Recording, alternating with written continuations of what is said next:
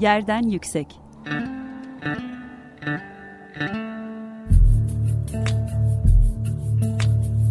Kentin kent aşırı gündemi. Hazırlayan ve sunanlar Gizem Kıygı ve Mehmet Kentel.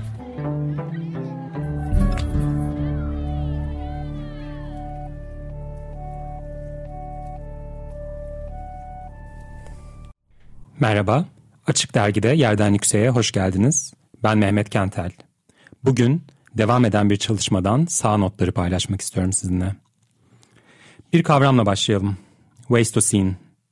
Nasıl çevirmek doğru olur acaba? Atık çağ ya da antroposeni çevirmeden olduğu gibi kullandığımıza göre Wastosen. Açık radyo dinleyicilerinin gayet iyi bildiği gibi insanın en büyük aktör olduğu yeni bir jeolojik zamanı tanımlayan antroposen, 2000'lerin başından beri ama özellikle de son 10 senede içinde olduğumuz zamanları ve ekolojik krizlerini çerçevelemek için en yaygın biçimde kullanılan terim haline geldi.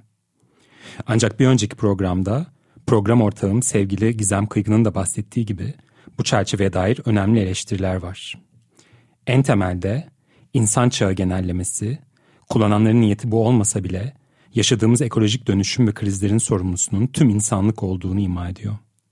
Oysa biliyoruz ki atmosferdeki karbondioksit miktarı, buzulların erimesi, içme suyumuzdaki mikroplastiğin arkasında tüm insanların eşit sorumluluğu yok. Kapitalist sınıfların işçilere, küresel kuzeyin küresel güneye, sömürgecilerin sömürgelere göre çok daha fazla tarihsel ve güncel payları ve daha doğru bir ifadeyle suçları var. Antroposen kavramını bu sahiplerle eleştirenler ona alternatif ya da onu tamamlayan farklı kavramlar öne sürüyor.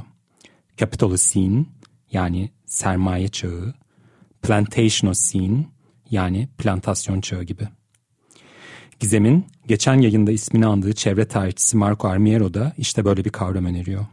Wastocene. Kapitolese'nin şemsiyesine yerleştirdiği Wastocene ile Armiero, sermaye çağının merkezine atıksal ilişkileri, kapitalizmin kontamine doğasını, aynı anda bazı yerleri temiz, güzel, sıhhi yaparken bazı yerleri kirli ve toksik yapan süreçleri koyuyor. Armiero'ya göre atık ki bu onu bir fiil olarak kullanıyor wasting olarak bir yere atılan bir şey değil bir ilişki biçimi sınıf, ırk ve toplumsal cinsiyet adaletsizliklerini sosyoekolojik bir metabolizmaya oturtan, aynı anda bahçe ve çöplük, sağlıklı ve hasta bedenler, temiz ve zehirli mekanlar yaratan bir sosyal süreç. Son bir sene içinde Türkiye gündemine yerleşebilmiş iki çevre meselesini düşünürsek, Armiero'nun atığı bir ilişki biçimi olarak ele almasının mantığını daha da iyi anlayabiliriz. Bu meselelerden ilki, Türkiye'nin Avrupa'nın ve Birleşik Krallığı'nın en büyük plastik çöp ithalatçısı olduğunun ortaya çıkması. İkincisi ise Sao Paulo uçak gemisinin Ali sökülmek üzere yola çıkması ve etrafında dönen asbest tartışması. Bu iki konuyu bu coğrafyanın karşı karşıya olduğu başka ekolojik mesele ve risklerden ayrıştıran ortaklığı, ikisinde de hükümetin geri adım atmış olması, kamuoyu baskısı sonucu en azından kağıt üstünde plastik ithalatının sınırlanması ve Sao Paulo'nun söküm izninin iptal edilmesi oldu. Atığı bir şey değil, bir ilişki biçimi olarak gördüğümüzde bu ilişkinin nasıl çerçevelendiği de önem kazanıyor. Kamuoyu tartışmalarında Türkiye'nin yabancı ülkelerin zehirli atıklarının çöplüğü haline geldiği söyleminin ağırlık kazanması, örneğin ülkenin dört bir yanındaki yıkımlarda açığa çıkan asbestin kendisinden daha büyük bir güce sahip olduğu ve hükümetin politikalarını yine en azından kağıt üstünde de olsa değiştirebildi. Wasteocene, her türlü çevre yıkımının ve eşitsizliğin arkasında yatan sosyoekolojik süreçleri görünür kılmak, e, aynılaştırıcı tüm problemlere rağmen vazgeçemeyeceğimizi düşündüğüm antroposenin doğasını teşhir etmek gibi faydalara sahip. Antroposene eleştirel, materyal ve bedensel bir müdahale olarak çok yerinde ve zamanında üretilmiş bir kavram. Ve her ne kadar Westocene'in müdahalesi atık çalışmalarının ötesine geçse de benim gibi atığın çevresel tarihini çalışanlar için özellikle ilham verici. İşte bu ilhamla programın geri kalanında Kasımpaşa'nın kayıp derelerine bakacağız. Ama önce bir müzik arası. Like Lee'nin 2011 tarihli mega hiti I Follow Rivers. Açık Dergi'de yerden yüksektesiniz. Like Lee'den I Follow Rivers'ı dinledik. ve dereleri takip eden sanatçımızı takip ederek Kasımpaşa derelerini takip ediyoruz. Geç 19. yüzyılın en önemli hicivcilerinden Hagop Baronyan, İstanbul mahalleleri üzerine yazdığı 1880 tarihli yapıtında şöyle demişti. Nasıl ki dikensiz gül olmaz, Kasımpaşa'da lağımsız olmaz. Şehirde kolera baş gösterdiğinde Kasımpaşa'da doğmuş, diğer mahallelerde ölmüştür. Bu mahallenin deresi lağımdır. Pera'da doğar, buradan geçerek denize dökülür. Bu mahallenin deresi lağımdır. Kasımpaşa'nın dereleriyle ilgilenmeye başlamamın birkaç sebebi var ama belki de en ilham verici olan Baronya'nın bu sözü. Bir mahallenin deresinin lağım olması ne demekti? Bu mahallenin derelerine lağım mı karışıyordu yoksa Pera'nın lağımları kontrolsüz biçimde Kasımpaşa'ya akıyor ve oralarda e, dere gibi lağım yatakları mı oluşturuyordu? Aslında her ikisi de. Baronya'nın çağdaşı kaynaklar Kasımpaşa coğrafyasını kesen iki ana su yolundan bahsediyordu. Baruthane ve Dolapdere. Yine dönem kaynakları Baruthane'yi zaman zaman Piyale Paşa veya Fişekhane olarak tanıyordu. Nitekim günümüz kentsel topografyasında Baruthane Deresi'nin yerinde bugün Piyale Paşa Bulvarı, Fişekhane Deresi ve Fişekhane Deresi Caddesi, Dolapdere'nin yerinde de Bahriye, Kurtuluş Deresi ve Dolapdere caddeleri bulunuyor. Bu iki su yolu önce Kasımpaşa Akarcası'nda ve sonra güzelce Kasımpaşa Camii civarında birleşiyor ve Bahriye Nezareti yanından Haliç'e dökülüyordu. 1871 kolera salgını sırasında British Medical Journal'da çıkan bir yazı, Kasımpaşa'yı mekruh bir koku yayan bir lağımın ucunda iğrenç bir yer olarak tanımlıyordu. İki derenin birlikte mekruh bir koku yayarak aktığı bu son kısma Kasımpaşa Deresi deniyordu. Ancak bu isim bütün bu su sistemine işaret eden daha muğlak biçimde de kullanılıyordu. Kentin atık sularına karışan ve sokak içlerinden akan bu derelerin kesin bir kronolojisini çıkartmak çok kolay değil. Ancak antik kaynaklar ve tarihsel haritalar derelerin tarihinin Bizans dönemine kadar uzadığını ve şehrin belli başlı akarsularının olmasalar da varlıklarını yüzyıllar boyunca sürdürmüş olduklarını gösteriyor. Dionysos Bizantios'un 2. yüzyıl anlatısına göre yıl boyunca bu bölgeden akan ancak gemi taşımacılığına elverişli olmayan derenin adı Meizon yani Büyük Dere'ydi. Evliya Çelebi ise örneğin 17. yüzyılda Kasımpaşa'nın içinden iki dere aktığını, ikisinin de ikişer tarafının dükkanlarla dolu olduğunu ve üzerlerinde köprüler olduğunu söylüyor. 19. yüzyılda ise 1700'lerin ikinci yarısından itibaren bölgenin tepelerinde yani Pera ve Tatavla'da hızlanan kentleşme ve nüfus yoğunluğunun artışı bu dereleri neredeyse tamamen lağımlarla özdeşleştirmişti. Dereler kent peyzajının parçası olmaktan çıkıp kentin sorun coğrafyasının unsurları ve hatta önemli aktörleri haline geldi. 20. yüzyılın başında yapılmış bazı haritalar daha öncekilerde karşımıza çıkmayan bir şekilde iki ana su yolunu Kasımpaşa ve Bülbül dereleri olarak tanımlamışlardı. Haritalardan da takip edilebileceği gibi bölgenin sulaklığı sabit ancak su yollarının isim ve temsili güzergahları değişkendi. Bu muğlaklığın bir diğer sebebi de bu iki derenin bölgede 19. yüzyıla kadar varlığını sürdüren yegane su yolları olmamasıydı. Kasımpaşa Vadisi sokak aralarından, boş arazilerden, tarla ve bostan kenarlarından akan ve dere tabir edilen birçok suya sahipti. Cin Deresi bunların muhtemelen en önemlisiydi. Bu dere kaynağını Feriköy'den alıyor ve Tatavla'nın sırtlarından akarak Dolapdere ile buluşuyordu. 19. yüzyıl ortasından bir belge, büyük ve küçük derelerin ki Evliya da bu ayrımı yapıyordu, o sıralarda hızla yapılaşan Yenişehir Mahallesi'nin molozlarıyla tıkandığını, bu yüzden sık sık sellerin yaşandığını, çocukların boğulduğunu, dükkan ve evlerin harap hale geldiğini, fakir Kasımpaşa ahalisinin buna dayanacak gücü olmadığına dair şikayetlerini bildiriyordu.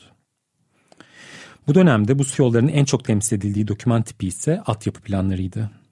Her ne kadar koleranın su yoluyla yayılan bir mikrop sonucu ortaya çıktığına dair kesin yargılara ancak yüzyıl sonunda varılabilmişse de Dönemin hakim miyazma anlayışı da organik atıkların yaydığı zehirli gazların hastalıkların ortaya çıkmasına rolü olduğu görüşüyle kent reformcularının dikkatinin su kaynaklarına, lağımlara, çöplere ve mezarlıklara çevrilmesine sebep oldu.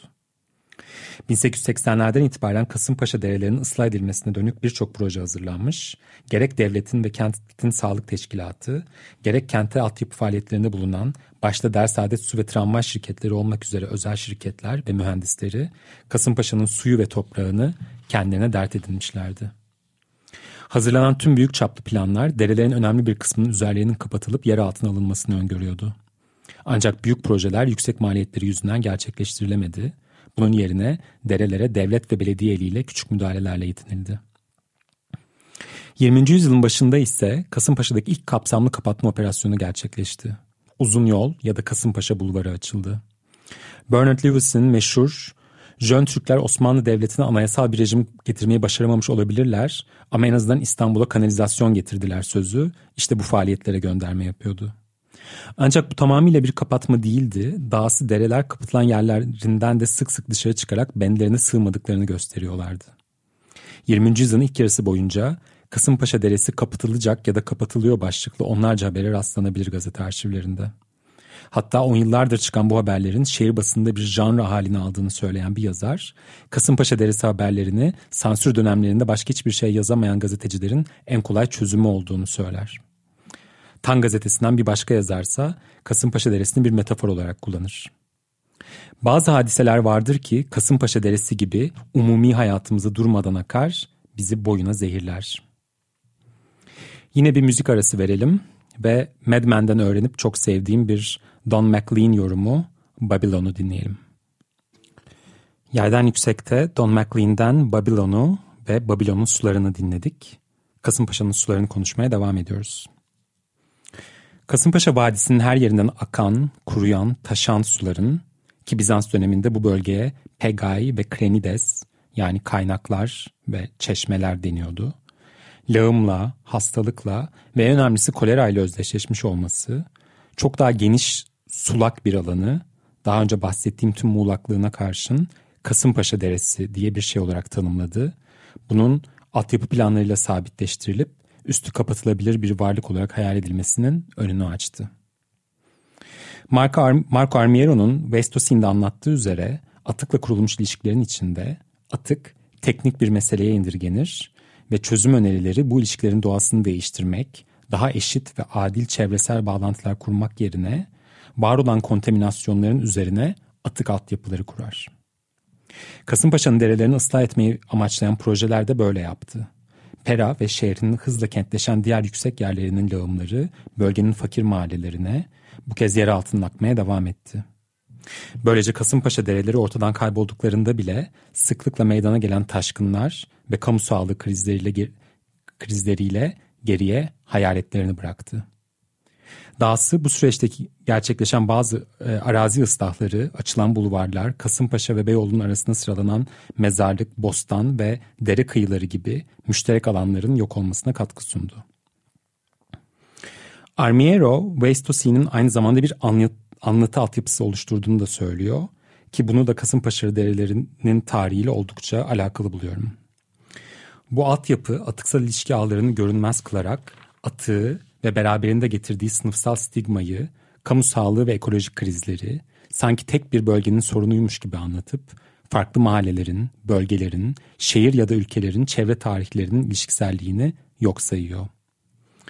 Birinin kentsel ihtişam ve kültürünün övüldüğü, Beyoğlu'na dair e, bütün o e, süslü sözleri hepimiz çok iyi biliriz. Modern, kozmopolit, e, çok kültürlü, çok dilli, e, Beyoğlu'nun mimarisi yine e, herhalde Türkiye'de en fazla üzerine çalışma yapılan e, alanlardan biridir. E, diğerinin ise kirlilikle, kirlilikle eşleş, eşleştirildiği Beyoğlu ve Kasımpaşa'nın tarih yazımlarının birbirine neredeyse hiç değmemesi de işte bu anlatı altyapısının bir örneği. Bu altyapıyı delen bir anlatıdan Bilge Karasu'nun ölümünden sonra yayımlanan Lağımlar Anası ya da Beyoğlu kitabından bir alıntıya devam edelim. Sınırları yönetim sorumluların haritalarında, dosyalarında, kütüklerinde kalsın. Bize gerekli olan ölçüleri değil, kendi. Milyonlarca insan ölçüsüne gür akan, çamurlu, pırıltılı seli.'' Rastgele bir çukurundan, bir yanından, kaldırım ya da kapısından girebiliriz söze. Bu akıntının ortasında, bu sellenişte hangi tek noktanın önemi olabilir, adı olabilir? Rastgele bir çukurundan başlamak düşüncesi tortulardan yola çıkmak değil. Bu çukurlardaki tortu değil. Durmadan kıpraşan, oynayan, inip çıkan yorgunluklar, bir uykuluk devimsizlikler var ana damardan, omurgadan inip alçalarak, daralarak, dikleşerek, taşları dağılarak koyaklara, eski dere yataklarına karışan bu sokaklarda. Yüzyıl arayla Agop Baronyan ve Bilge Karasu'nun sosyal bir metafor olarak da olsa Beyoğlu'nun dere yataklarına karışan sokaklarından, akışından, akıntısından, çamurlu pırıltılı selinden, sellenişinden, lağımından bahsetmiş olmasının materyal ve ekolojik bir hikmeti olsa gerek. Her ne kadar Baranya'nın bahsettiği dereler artık ve Bilge Karasu'nun da zamanında e, eski görünürlüğünü kaybetmiş de olsa. E, bu noktada e, sıkıcı bir muhtemelen sıkıcı bir Beyoğlu e, araştırması yapma niyetindeyken Kasımpaşa'ya bakmamı ısrarla salık veren ve bitmek bilmez bir araştırma dünyasının kapısını ar- aralayan e, Selim Kuru'ya selam söylemem gerekir. E, beni her gördüğünde, her görüştüğümüzde lağımlar anısını okuyup okumadığımı e, soran da oydu. E, gördüğü gibi, duyduğu gibi diyeyim e, okudum ve gerçekten bu e, 19. yüzyılda e, üstünün kapatılma projelerine başlanmış e, ve daha sonra e, sadece maddi süreçlerle değil aynı zamanda e, Armiero'nun da işaret ettiği gibi anlatısal süreçlerle, e, söylemsel süreçlerle de e, üstü örtülen, e, bastırılmaya çalışan ama bir şekilde hem materyal dünyada ama hem de anlatı dünyasında sızarak kendini bir şekilde gösteren bu e, ekolojik bağlantıların e, önemini vurgulamak açısından e, oldukça ilginç e, anlatılar olduklarını düşünüyorum. E, Baronya'dan Karasu'ya giden bu atlamanın. 95 Açık Radyo'da Açık Dergi'de Yerden Yükseği dinlediniz. 15 gün sonra yeniden görüşmek üzere.